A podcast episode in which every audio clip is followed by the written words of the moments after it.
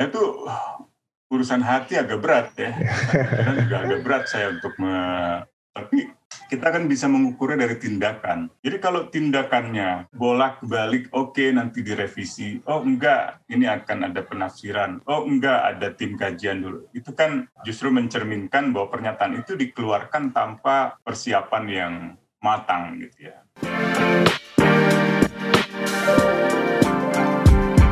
Hai sahabat TCID, kalian sedang mendengarkan podcast Suara Akademia. Ngobrol seru isu terkini bareng akademisi. Pada episode ini, kita akan ngobrol tentang penyalahgunaan UU ITE dan bagaimana warga negara bisa mendorong revisi hukumnya bersama dengan Usman Hamid, dosen Sekolah Tinggi Hukum Indonesia Jentera dan Direktur Amnesty International Indonesia, dipandu oleh Andre Aditya, editor politik dan masyarakat di TCID. Halo sahabat TCID, kita jumpa lagi di episode podcast Suar Akademia. Kali ini ada saya, editor politik dan masyarakat dari The Conversation Indonesia. Nama saya Andre Arditya. Episode yang kali ini kita akan ngobrol-ngobrol sama Mas Usman Hamid. Topik bahasan kali ini adalah soal revisi UU ITE. Mungkin bukan revisi UU ITE ya, karena kita nggak sebenarnya nggak yakin ya mau direvisi apa enggak. Kita ngomongin UU ITE uh, karena beberapa minggu ini rame dibahas sama Pak Jokowi yang melontarkan isunya kayak dua minggu lalu. Terus bergulir bergulir sampai ada perintah membuat panduan penafsiran ke kepolisian terus kemarin Pak Mahfud katanya mau bikin tim untuk kajian rencana revisi tersebut. Halo Mas Usman. Halo Andre, apa kabar? Baik Mas Usman, terima kasih sudah bersedia bergabung dengan The Conversation Indonesia untuk ngobrol-ngobrol kali ini. Langsung nih aku pengen nanya nih ke Mas Usman soal isu uh, undang-undang ITE ini pas Pak Jokowi mengutarakan itu pernyataan itu bahwa saya saya quote kalau implementasi UU ITE menimbulkan rasa ketidakadilan, maka UU ini perlu direvisi. Hapus pasal-pasal karet yang multitafsir. Itu quote-nya Jokowi ya. Pas mendengar pernyataan itu, apa reaksi Mas pas dengar pernyataannya Pak Jokowi waktu itu? Pertama, tumben nih. yang kedua, Pak Jokowi ke mana aja gitu. Karena udah bertahun-tahun banyak kalangan khawatir tentang meningkatnya penggunaan pasal-pasal karet yang multitafsir tersebut, yang salah satunya dari Undang-Undang ITE yang telah mengakibatkan banyak orang dikriminalisasi itu berakhir di penjara atau merasakan hukuman yang seharusnya tidak mereka terima gitu. Itu sih sekilas. Tapi saya sempat membicarakan itu di satu lembaga yang saya dirikan bersama Epiono di Public Virtue. Wah ini sesuatu yang harus disikapi segera. Bahkan sebenarnya sebelum pernyataan Presiden muncul, eh, kami berdiskusi internal di Public Virtue dan di Amnesty International tentang pernyataan dalam akun media sosial Twitter Pak Kwik Yanji bahwa ia merasa tidak pernah setakut sekarang gitu ya. Dia pernah mengalami masa orde baru tapi ia tidak pernah setakut seperti di masa sekarang. Lalu muncul juga pernyataan dari mantan wakil presiden Yusuf Kala yang seperti secara satir gitu atau sarkastik itu menyampaikan kepada publik menyindir pemerintah dengan mengajukan satu pertanyaan. Kalau memang pemerintah mengundang masyarakat untuk memberi kritik yang pedas gitu, tolong beritahu bagaimana sebenarnya masyarakat bisa mengkritik tanpa kemudian berurusan dengan polisi gitu. Jadi saya saya di situ merasa eh ayo kita gelar webinar nih. Kalau perlu kita undang Pak Yusuf Kala, kita undang Pak Kue Gianji gitu. Nah, beberapa teman antusias gitu kan. Ayo ayo kita bikin kapan? Besok aja saya bilang. Ini momen yang penting menurut saya. Kenapa? Karena kritik terhadap negara, terhadap pemerintah yang berkuasa itu ketika itu tidak lagi datang dari alamat yang biasa. Alamat yang biasa adalah lembaga-lembaga masyarakat sipil seperti LBH, Kontras gitu ya. Banyaklah ya ICGR atau SafeNet, itu semua lembaga yang selama ini dikenal sebagai lembaga-lembaga eh, non pemerintah gitu. Atau kampus misalnya ada Herlambang dari Universitas Airlangga atau Bibip misalnya Bivitri Santi dari tempat saya juga mengajar.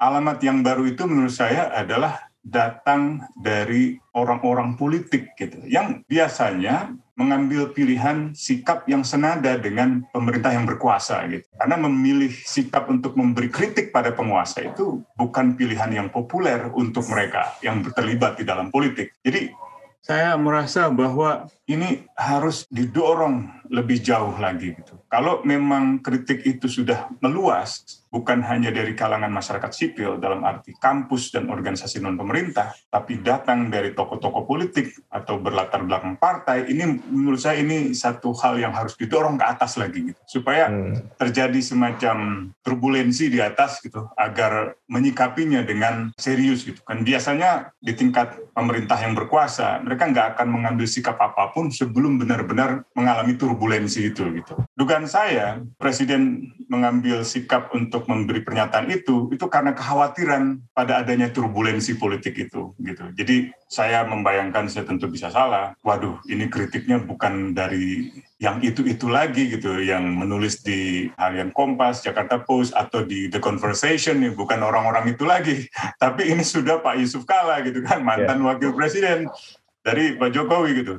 Sudah seperti Pak Kwi Kianji yang sangat identik dengan misalnya PDIP gitu. Nah, artinya orang-orang berlatar belakang politik gitu tidak juga mau menerima keadaan yang sudah dinilai oleh berbagai kalangan kampus, kalangan aktivis sedang mengalami kemerosotan. Kan selama ini bantahannya kalau misalnya saya diundang untuk berdiskusi dengan orang-orang pemerintah, mereka selalu mengatakan ah yang bilang kita mengalami demokrasi yang mundur itu kan akademisi luar negeri gitu kan. Eh, Markus Michener gitu. Kadang-kadang mereka salah. Itu kan orang Australia. Enggak saya bilang Markus orang Jerman. Oh ya tapi ada banyak hal yang selalu bantahannya begitu. Saya bilang enggak juga. Akademisi di luar negeri itu ada orang Indonesia-nya ada Fedi Hadis misalnya gitu. Ya tapi kan semua mereka tinggal di luar negeri enggak ngerti tentang keadaan Indonesia. Oh saya bilang hati-hati. Yang nulis di The Conversation itu akademisi Universitas Brawijaya yang mengatakan demokrasi Indonesia mengalami kemunduran. Atau saya rujuk lagi. Lihat dong Biro Pusat Statistik. Ya tapi kan Biro Pusat Statistik demokrasinya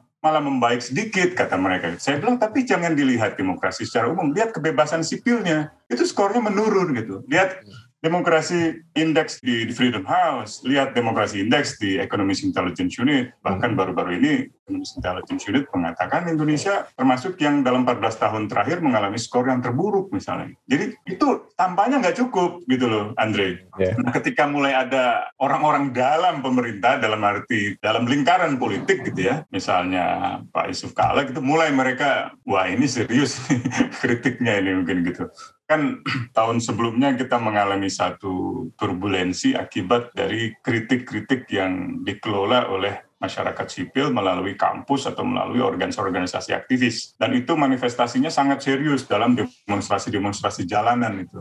Tahun 2019 kita masih ingat ada gerakan reformasi di korupsi salah satu kritiknya adalah menolak dikembalikannya pasal penghinaan presiden dalam hukum pidana dalam KUHP. Bahkan para pelajar pun juga turun ke jalan STM-STM itu gitu kan, eh, itu. Saya ketemu mereka langsung dan mereka bukan orang-orang yang apolitis sebagaimana yang digambarkan oleh para politisi. Saya menemui mereka, saya bertanya kepada mereka, kenapa Anda di jalan, kenapa turun ke jalan, kenapa nggak sekolah? Gitu. Jawabannya beragam dari mulai, Bang, kami ini di sekolah diajarkan tentang demokrasi. Di sini kami bergabung dengan kakak-kakak untuk mempraktekkan demokrasi. Misalnya salah satu jawabannya begitu. Itu direkam kok di dalam sebuah orasi salah satu pelajar yang diundang ke atas panggung, ke atas mobil komando.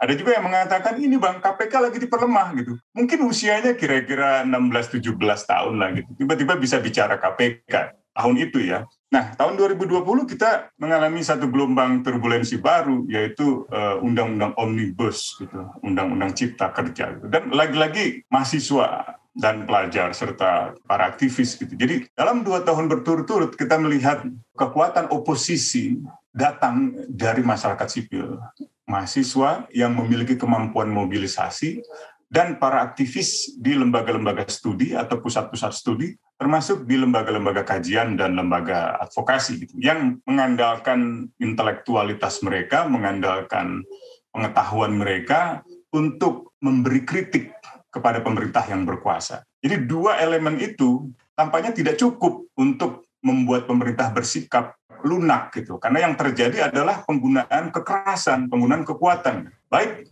gelombang protes oposisi mobilisasional, saya menyebutnya begitu, kalau merujuk etas final, yaitu para mahasiswa, itu kan dipukul mundur gitu, kerasan dengan penggunaan kekuatan gitu ya, termasuk dengan kontrol melalui kampusnya gitu.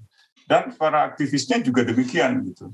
Tahun 2020 juga begitu gitu. Nah, 2021 ini yang membedakannya adalah mulai muncul di luar dari oposisi mobilisasional mahasiswa atau oposisi prototipenya aktivis organisasi non pemerintah ditambah dengan orang-orang yang memiliki semacam individual prominence gitu yang uh, punya latar belakang mantan pejabat tinggi atau high profile officials gitu yang mulai ikut mengamplifikasi membesarkan suara kritik itu sehingga bergema di dalam pusaran politik gitu. Nah, pada titik itulah saya menduga presiden atau para stafnya mulai berpikir kalau seperti ini harus disikapi gitu. Tidak bisa dibiarkan dengan cara misalnya literal denial itu nggak bisa gitu. harus ada semacam ya masih defensif sih masih masih ada denialnya juga gitu yeah, yeah iya oke, okay, tapi gitu. Jadi masih ada tapinya gitu. Padahal masalahnya sederhana, ada penggunaan yang berlebihan dari undang-undang ITE, ada over criminalization gitu dari undang-undang ITE di mana angka-angka orang-orang yang dikriminalisasi berdasarkan undang-undang ini itu meningkat. Waktu saya mengamati perkembangan 2009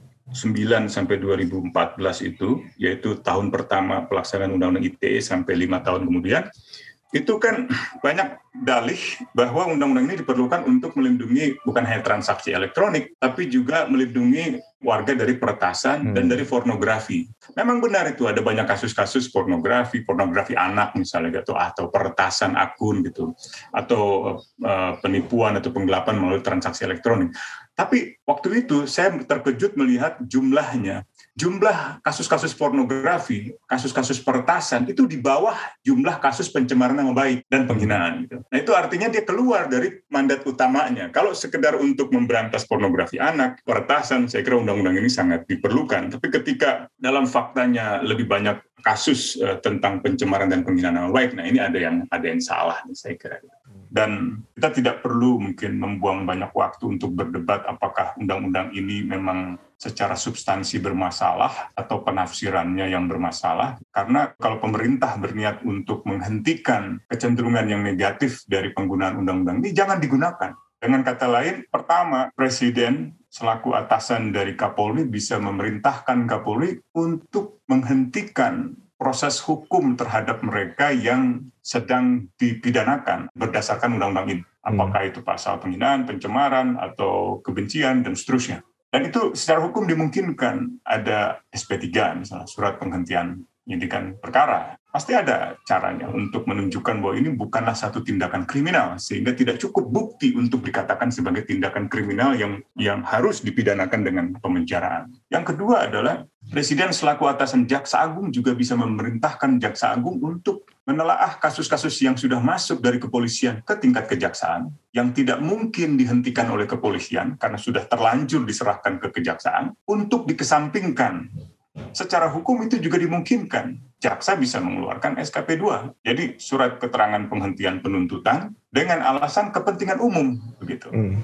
Yang ketiga, bagaimana dengan mereka yang sudah terlanjur difonis uh, bersalah dan putusannya sudah berkekuatan hukum tetap? Tentu kalau mereka difonis bersalah pada tingkat pengadilan negeri, ya Presiden bisa saja mengatakan saya tidak bisa ikut mencampuri. Itu perlu menunggu lagi sampai ke hmm. tingkat pengadilan tinggi dan juga Mahkamah Agung. Tetapi bagi mereka yang sudah berkekuatan hukum tetap, Presiden dapat menimbang hukum konstitusi pasal 14 tentang pemberian amnesti yaitu pembebasan segera dan tanpa syarat kepada mereka yang telah difonis bersalah tetapi sebenarnya tidak melakukan tindakan kriminal. Atau kalaupun tindakan itu bersifat kriminal dimensi politiknya jauh lebih dominan gitu. Sehingga diberikan pengampunan atau diberikan pembebasan tanpa syarat.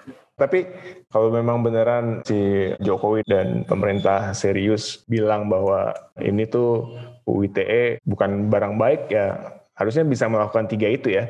Tapi sejauh ini kan yang kita lihat malah at least ada perintah ke Kapolri untuk bikin penafsiran gitu. Terus Mas Usman juga tadi udah nyebutin kan tahun dua tahun terakhir nih UITE itu banyak banget disalahgunakan gitu ya Mas ya untuk membuka politik. Jadi sebenarnya pas Jokowi ngomong soal revisi UU ITE ini Mas Usman kan udah ngeliat berapa bolak-balik lah isu ini naik sejak 2008 UU ITE udah keluar. UU ITE kan udah direvisi juga, cuman kritik utamanya nggak terselesaikan gitu kan. Nah sekarang kalau Mas Usman ngeliatnya gimana ini tulus nggak sih Mas? Nah, itu urusan hati agak berat ya.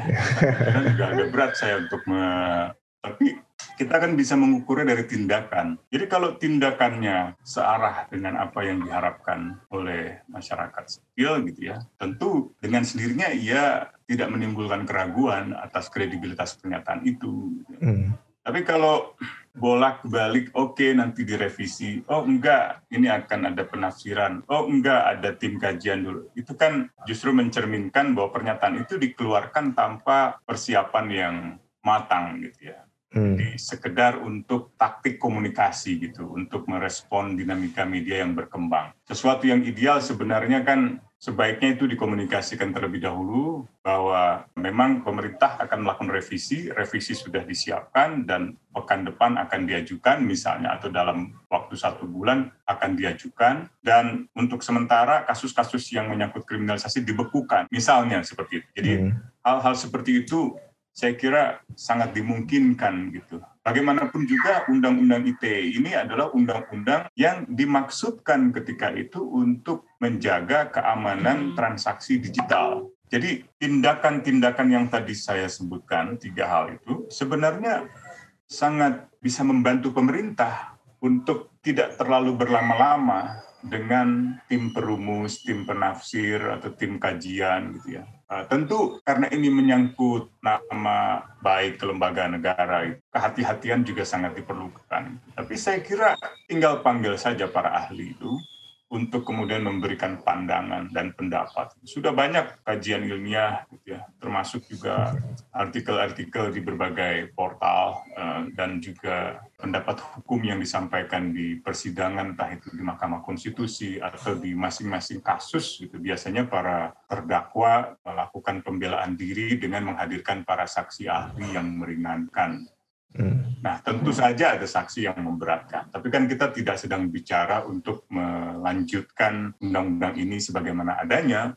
Sebaliknya kita sedang berkesimpulan bahwa undang-undang ini memiliki masalah. Karena itu masalahnya yang harus kita rumuskan. Apa dan solusinya apa? Bukan kemudian malah berpindah-pindah lagi. Kayaknya nggak ada masalah. Jadi kan jadi ini gimana sebenarnya gitu. Memang saya lihat ada arus kuat di dalam pemerintah, termasuk di dalam Kominfo yang mengatakan ini masalahnya bukan teksnya, melainkan tafsir atas teks dan penggunaan teks yang eksesif gitu kan. Ya sebenarnya secara umum itu bisa dimengerti, bisa dibenarkan. Tetapi kalau kita lihat banyak persidangan atau banyak artikel-artikel yang mengkaji masalah ini, teksnya juga bermasalah gitu Betul bahwa kalau teksnya tidak bermasalah, belum tentu tidak ada masalah. Sebaliknya juga begitu kan gitu. Kalau teksnya bermasalah, aparatnya tidak bermasalah, juga keadaannya bisa lain kan gitu. Yeah. Masalahnya yang sekarang ini teksnya bermasalah, gitu ya, tafsirnya bermasalah, uh. apalagi pelaksanaannya gitu. Nah ini yang yeah. saya kira kalau kita mau kita lebih detail ya, saya coba lihat ini. Misalnya pasal 27 ayat 3 penghinaan atau pencemaran nama atau pasal 28 ayat 2 tentang penyebaran kebencian berdasarkan suku, agama, ras, dan antar golongan. Pasal 29 tentang ancaman kekerasan atau menakut-nakuti gitu ya. Dan lalu diikuti pemidanaan pada pasal 45 menyangkut uh, pemidanaan untuk pasal 27, 28, dan 29. Nah, apa masalahnya sebenarnya? Kalau kita baca di situ kan Kalimatnya begini, ya, pasal 27 ayat 3, setiap orang dengan sengaja dan tanpa hak mendistribusikan dan atau mentransmisikan dan atau membuat dapat diaksesnya informasi elektronik dan atau dokumen elektronik yang memiliki muatan penghinaan dan atau pencemaran nama baik ya. Kilas saja kalimat ini bermasalah banyak dan atau dan atau dan atau. Jadi dia memberi tafsir tafsir tafsir tafsir gitu. Membuka ruang itu. Nah, pendefinisian tentang kutipan mendistribusikan dan atau mentransmisikan dan atau membuat dapat diaksesnya informasi elektronik ini sangat umum sehingga tidak membedakan mana komunikasi yang bersifat publik dan mana komunikasi yang bersifat privat. dalam percakapan baik Nuril dengan kepala sekolah tempat ia mengalami pelecehan seksual itu mengucapkan kata-kata verbal yang melecehkan itu, itu kan komunikasi yang bisa bersifat privat dan apakah ketika misalnya ia melaporkan itu menjadi masalah sesuatu sesuatu yang tetap privat gitu, atau sesuatu yang misalnya menyangkut publik itu dari sisi kasus baik Nuril. Kasus yang lain biasanya percakapan-percakapan yang sangat terbatas, misalnya saya dengan Bung Andre gitu kan, hmm. saya mengkritik nih, Anda sebagai bupati di Selayar anda tidak serius dalam menangani kasus korupsi, tidak serius dalam menghambat pungutan-pungutan investasi. Anda mempersoalkan saya, mempidanakan saya ke kepolisian. Padahal itu adalah komunikasi privat saya dengan atau kalaupun itu dibawa ke publik, itu kan hak saya juga sebagai warga untuk memberi kritik pada Anda misalnya. Hmm. Bersifat privat seperti SMS dalam kasus layar itu jadi dipidanakan. Atau dalam kasus uh, BlackBerry Messenger, dalam kasus Muhammad Arsyad di Makassar, itu juga jadi masalah. Atau kasus email seperti kasusnya Ibu Rita Mulyasari Rita itu juga jadi masalah. Atau dalam kasus Padli Rahim di Goa itu sebenarnya hanya percakapan antar alumni SMA setempat itu di line di saluran komunikasi lain itu. Jadi hmm. itu tiba-tiba berujung pada pemidanaan karena dianggap melakukan penghinaan dan pencemaran. Kalau kita baca ke hukum pidana itu kan penghinaan-penghinaan biasanya dilakukan secara publik. Banyak sekali saluran komunikasi yang sifatnya privat itu kemudian dipersoalkan menjadi soal yang sangat publik itu juga nggak didefinisikan dengan baik oleh Undang-Undang ITE. Berbeda dengan Facebook, Twitter yang memang saya kira memiliki dimensi publik yang tinggi gitu ya. Nah tapi kan karena di dalam definisi itu disamaratakan, akibat komunikasi via SMS, line, chat gitu ya atau email itu bisa dikenai pasal 27 ayat 3 ini. Problem kedua, misalnya dari pasal yang sama adalah tingkat penghinaan atau pencemaran nama baik itu. Kan tidak semua pencemaran nama baik atau penghinaan itu menjadi urusan negara melalui lewat pemidanaan.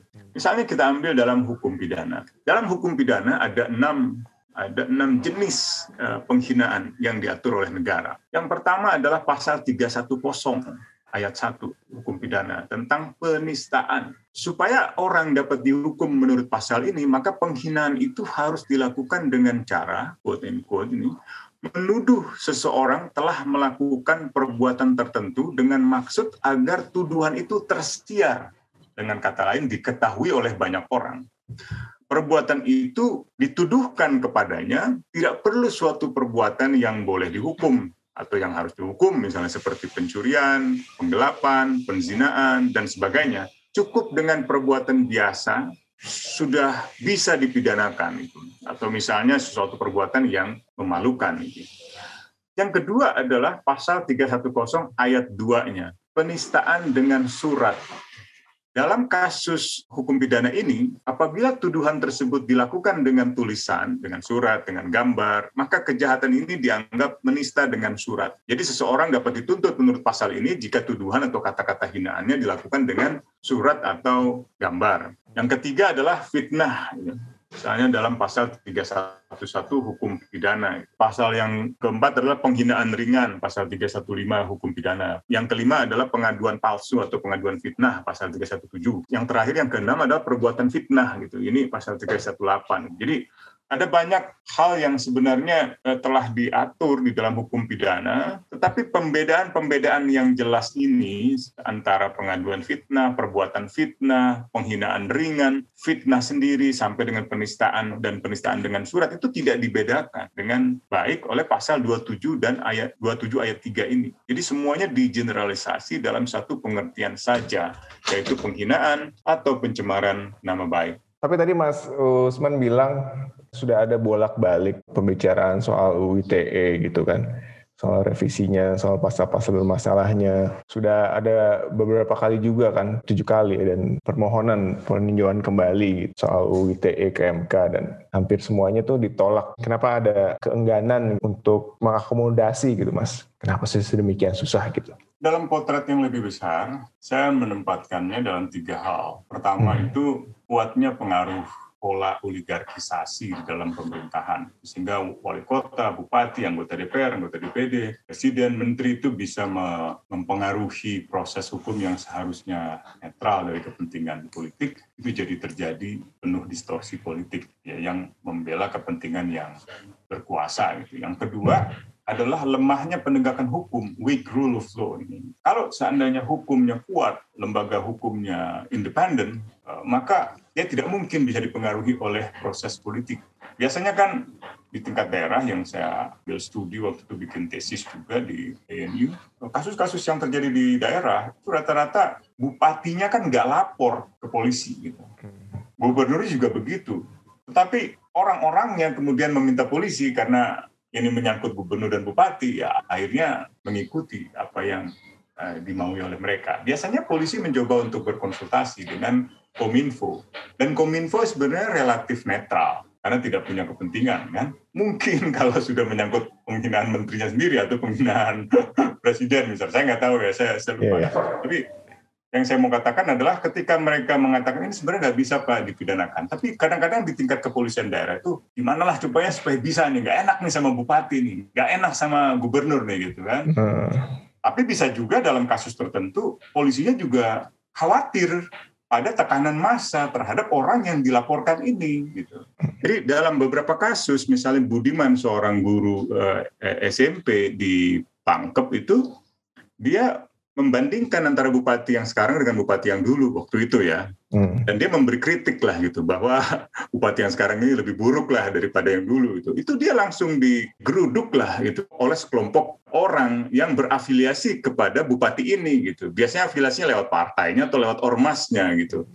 Nah, karena ia terancam secara fisik, polisi harus melindungi dia kan, harus mengevakuasi dia gitu. Pada mulanya mengevakuasi, melindungi orang itu dari tekanan fisik, dari tradisi kekerasan ini yang masih ada ini. Tapi pada akhirnya polisi mau nggak mau, ya kalau saya bebasin hari ini, pulangnya digebukin dia nih kan, ah lebih baik dipidanakan gitu loh. Jadi untuk apa? Untuk memuaskan pihak yang marah itu gitu. Itu sering kali terjadi seperti itu gitu.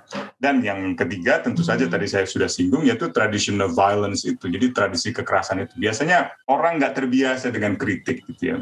Apalagi ketika saya mewawancarai eh, beberapa orang di Sulawesi itu, mereka mengkait-kaitannya dengan semacam nilai-nilai adat bahwa kalau ada saudara kita yang dihina itu itu itu udah urusannya udah seperti darah lah gitu. Jadi Cirina Pace kalau nggak salah itu budaya ya. semacam nilai-nilai adat yang ditafsirkan bahwa penghinaan itu sesuatu yang sudah sangat tidak bisa ditoleransi lah gitu. Sehingga muncul usaha untuk melakukan retaliasi gitu. Dan ini yang banyak terjadi di, di kasus-kasus undang-undang ITE gitu. Dari mulai faktor politiknya penegak hukumnya yang lemah atau tidak netral atau dipengaruhi oleh tekanan massa dan tekanan massa itu sendiri yang merefleksikan bahwa di dalam masyarakat kita belum terbiasa untuk menghidupkan budaya budaya kritik gitu, budaya untuk menyampaikan katakanlah kekurangan pada seorang yang berkuasa gitu. Jadi memang ada sedikit banyak pengaruh lama itu di mana dulu setiap pejabat itu seperti dianggap wakil Tuhan kan gitu dianggap hmm. seperti yang terbaik gitu padahal dalam konsep yang lain dalam konsep politik demokrasi dia adalah orang yang dipilih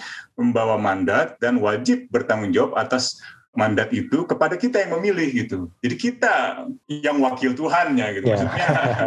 Maksudnya apa suara rakyat ya suara Tuhan gitu. Ah, Jadi yeah. yang harus e, dimintai tanggung jawab itu politisinya gitu atau orang yang terpilihnya gitu. Nah, tetapi karena oligarkisasi yang kuat, karena penegak hukum yang lemah dan karena sekelompok orang menggunakan kekerasan, ada ketakutan di situ. Kalau kalau saya mengambil itu, sikap itu, saya saya punya risiko itu dipidanakan Hmm. Karena orang yang merasa dikritik oleh saya tidak terima gitu, sehingga ia mempidanakan saya dan karena penegak hukum belum kuat, karena lemah gitu, sehingga sangat, sangat mungkin yang mempersoalkan saya itu proses hukumnya ditindaklanjuti oleh kepolisian. Dan kalau kepolisian tidak menindaklanjuti, belum tentu saya mendapat perlindungan dari kepolisian. Bisa jadi saya diserang oleh kelompok ormas yang mendukung politisi yang saya kritik. Gitu. Jadi hmm. ada semacam itu dan pemobilisasian kelompok-kelompok itu bisa dilakukan secara komunal, entah itu karena afiliasi politik, karena afiliasi keagamaan, atau etnis, atau suku gitu. Dan itu yang akhirnya membuat masyarakat semakin terkotak-kotak gitu. Nah,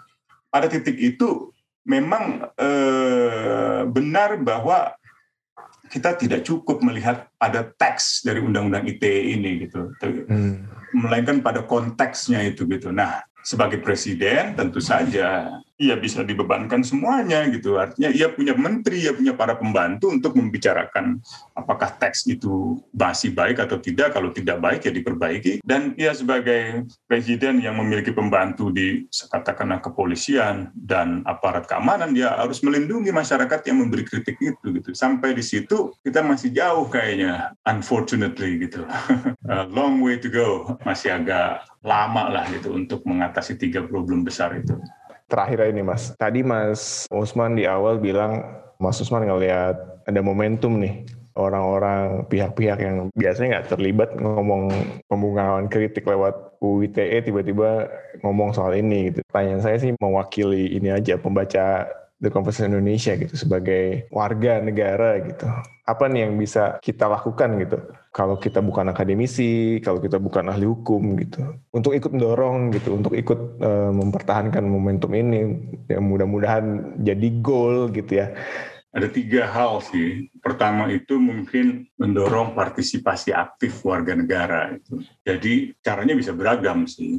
Hmm. Mendorong partisipasi bisa seperti yang tadi saya sebutkan, mengirim pesan kepada Menteri Kominfo, mengirim pesan kepada anggota DPR. Tentu kita masing-masing tinggal di wilayah yang berbeda-beda, tempat di mana hmm. daerah pemilihan para anggota DPR itu juga berlangsung. Kalau saya, saya akan mencari anggota DPR yang dulu dia pilihannya adalah internasional dan Jakarta Selatan.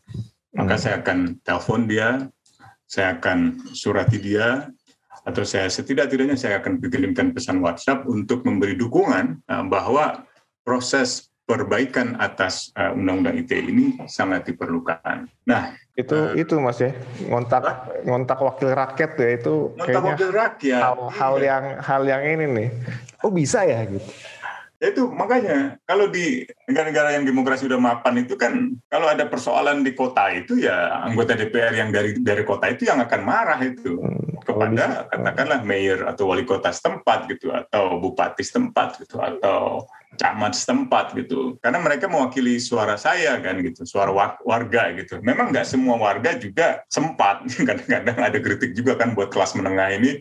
Sibuk aja dengan dirinya sendiri dengan urusan pencarian material lah gitu ya. Oh. uh, sibuk dengan dunianya sendiri. Dan ini mengakibatkan suara-suara kolektif itu jadi berkurang gitu. Dan DPR juga sebagai orang yang dulu dipilih ya tidak merasa harus mempertanggungjawabkan itu dalam momen-momen politik harian atau mingguan atau bulanan di mana masalah-masalah itu sangat terjadi. Mereka cukup, ah udahlah nanti aja tahun kelima menjelang tahun kelima barulah kira-kira seolah-olah bekerja untuk para pemilihnya. Itu juga saya kira tidak baik. Menguatkan representasi itu. Jadi antara warga dengan yang merepresentasikan warga itu. Menguatkan juga forum-forum delegasi. Misalnya daripada kita bingung, kemarin saya cerita cerita dari seorang petugas keamanan di tempatnya di daerah BSD itu ada penggantian tanah yang dirasa kurang cocok buat warga. Tapi mereka yakin bahwa itu bukan karena developernya, bukan karena pemerintah tengahnya melainkan karena orang-orang yang ada di tengah-tengahnya itu intermediarinya itu yang menyunat-nyunat itu. Ya, saya katakan coba menyuarakannya lewat entah itu surat pembaca atau mencari nomor teleponnya lurah. Belum hmm. lama ini waktu kemarin banjir tetangga kompleks ada yang mengatakan, Mas ini gimana ya listrik saya itu belum hidup gitu. Punya Mas Usman udah, udah punya saya. Kok punya saya belum? Saya bilang telepon. Ke, ke mana Pak? Ke PLN. Nomornya mana? Ya Google aja saya bilang gitu kan.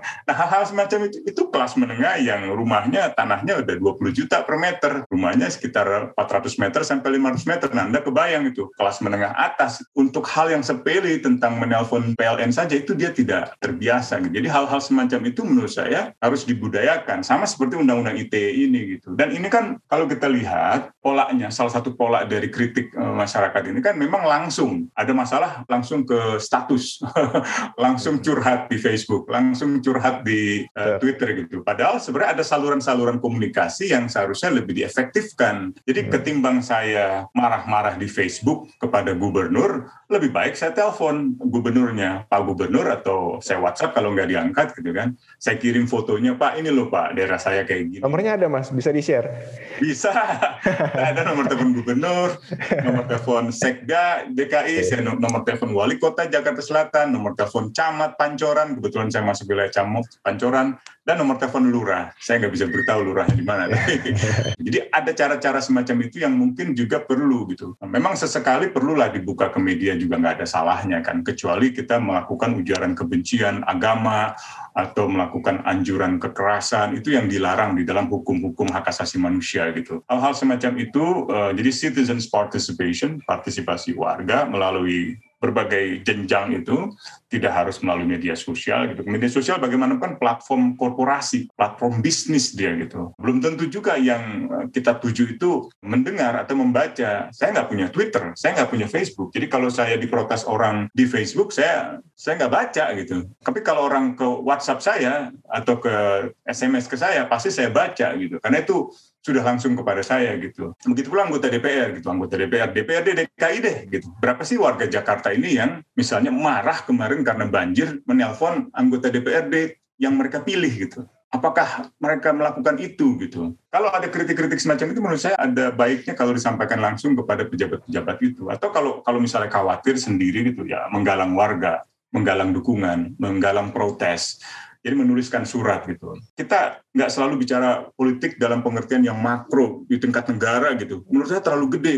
Bahkan di tingkat DKI saja itu terlalu terlalu besar. Kalau bisa kita sampai ke tingkat residen, tingkat kelurahan. Gitu. Jadi politik itu harus didekatkan pada kehidupan masyarakat itu. Sehingga undang-undang semacam ini sebenarnya nggak terlalu penting-penting amat gitu untuk dipersoalkan gitu. Karena pada dasarnya tentu saya saya tidak bicara suami istri yang saling menghina di Facebook ya. Saya tidak bicara juga antar warga masyarakat yang mungkin entah karena kebencian apa saya nggak ngerti gitu. Tapi saya lagi mau bicara undang-undang ITE ini bahayanya pada kebebasan berekspresi, kebebasan berpendapat, di mana warga mengkritik uh, pejabat negara, negara atau lembaga negara atau mengkritik uh, korporasi misalnya gitu, lalu dipidanakan. Gitu. Sesuatu yang sebetulnya dalam kehidupan politik demokrasi itu harusnya dibolehkan. Gitu. Jadi tiga hal sih, citizens participation, partisipasi warga, kedua mengekspos kekurangan-kekurangan atau kesalahan atau penyimpangan-penyimpangan dalam pengelolaan kehidupan publik, tapi untuk pencerahan warga, bukan untuk menyerang orang berdasarkan apalagi berdasarkan identitas politik. Dan yang terakhir adalah memobilisasi protes, menggalang protes. Tetapi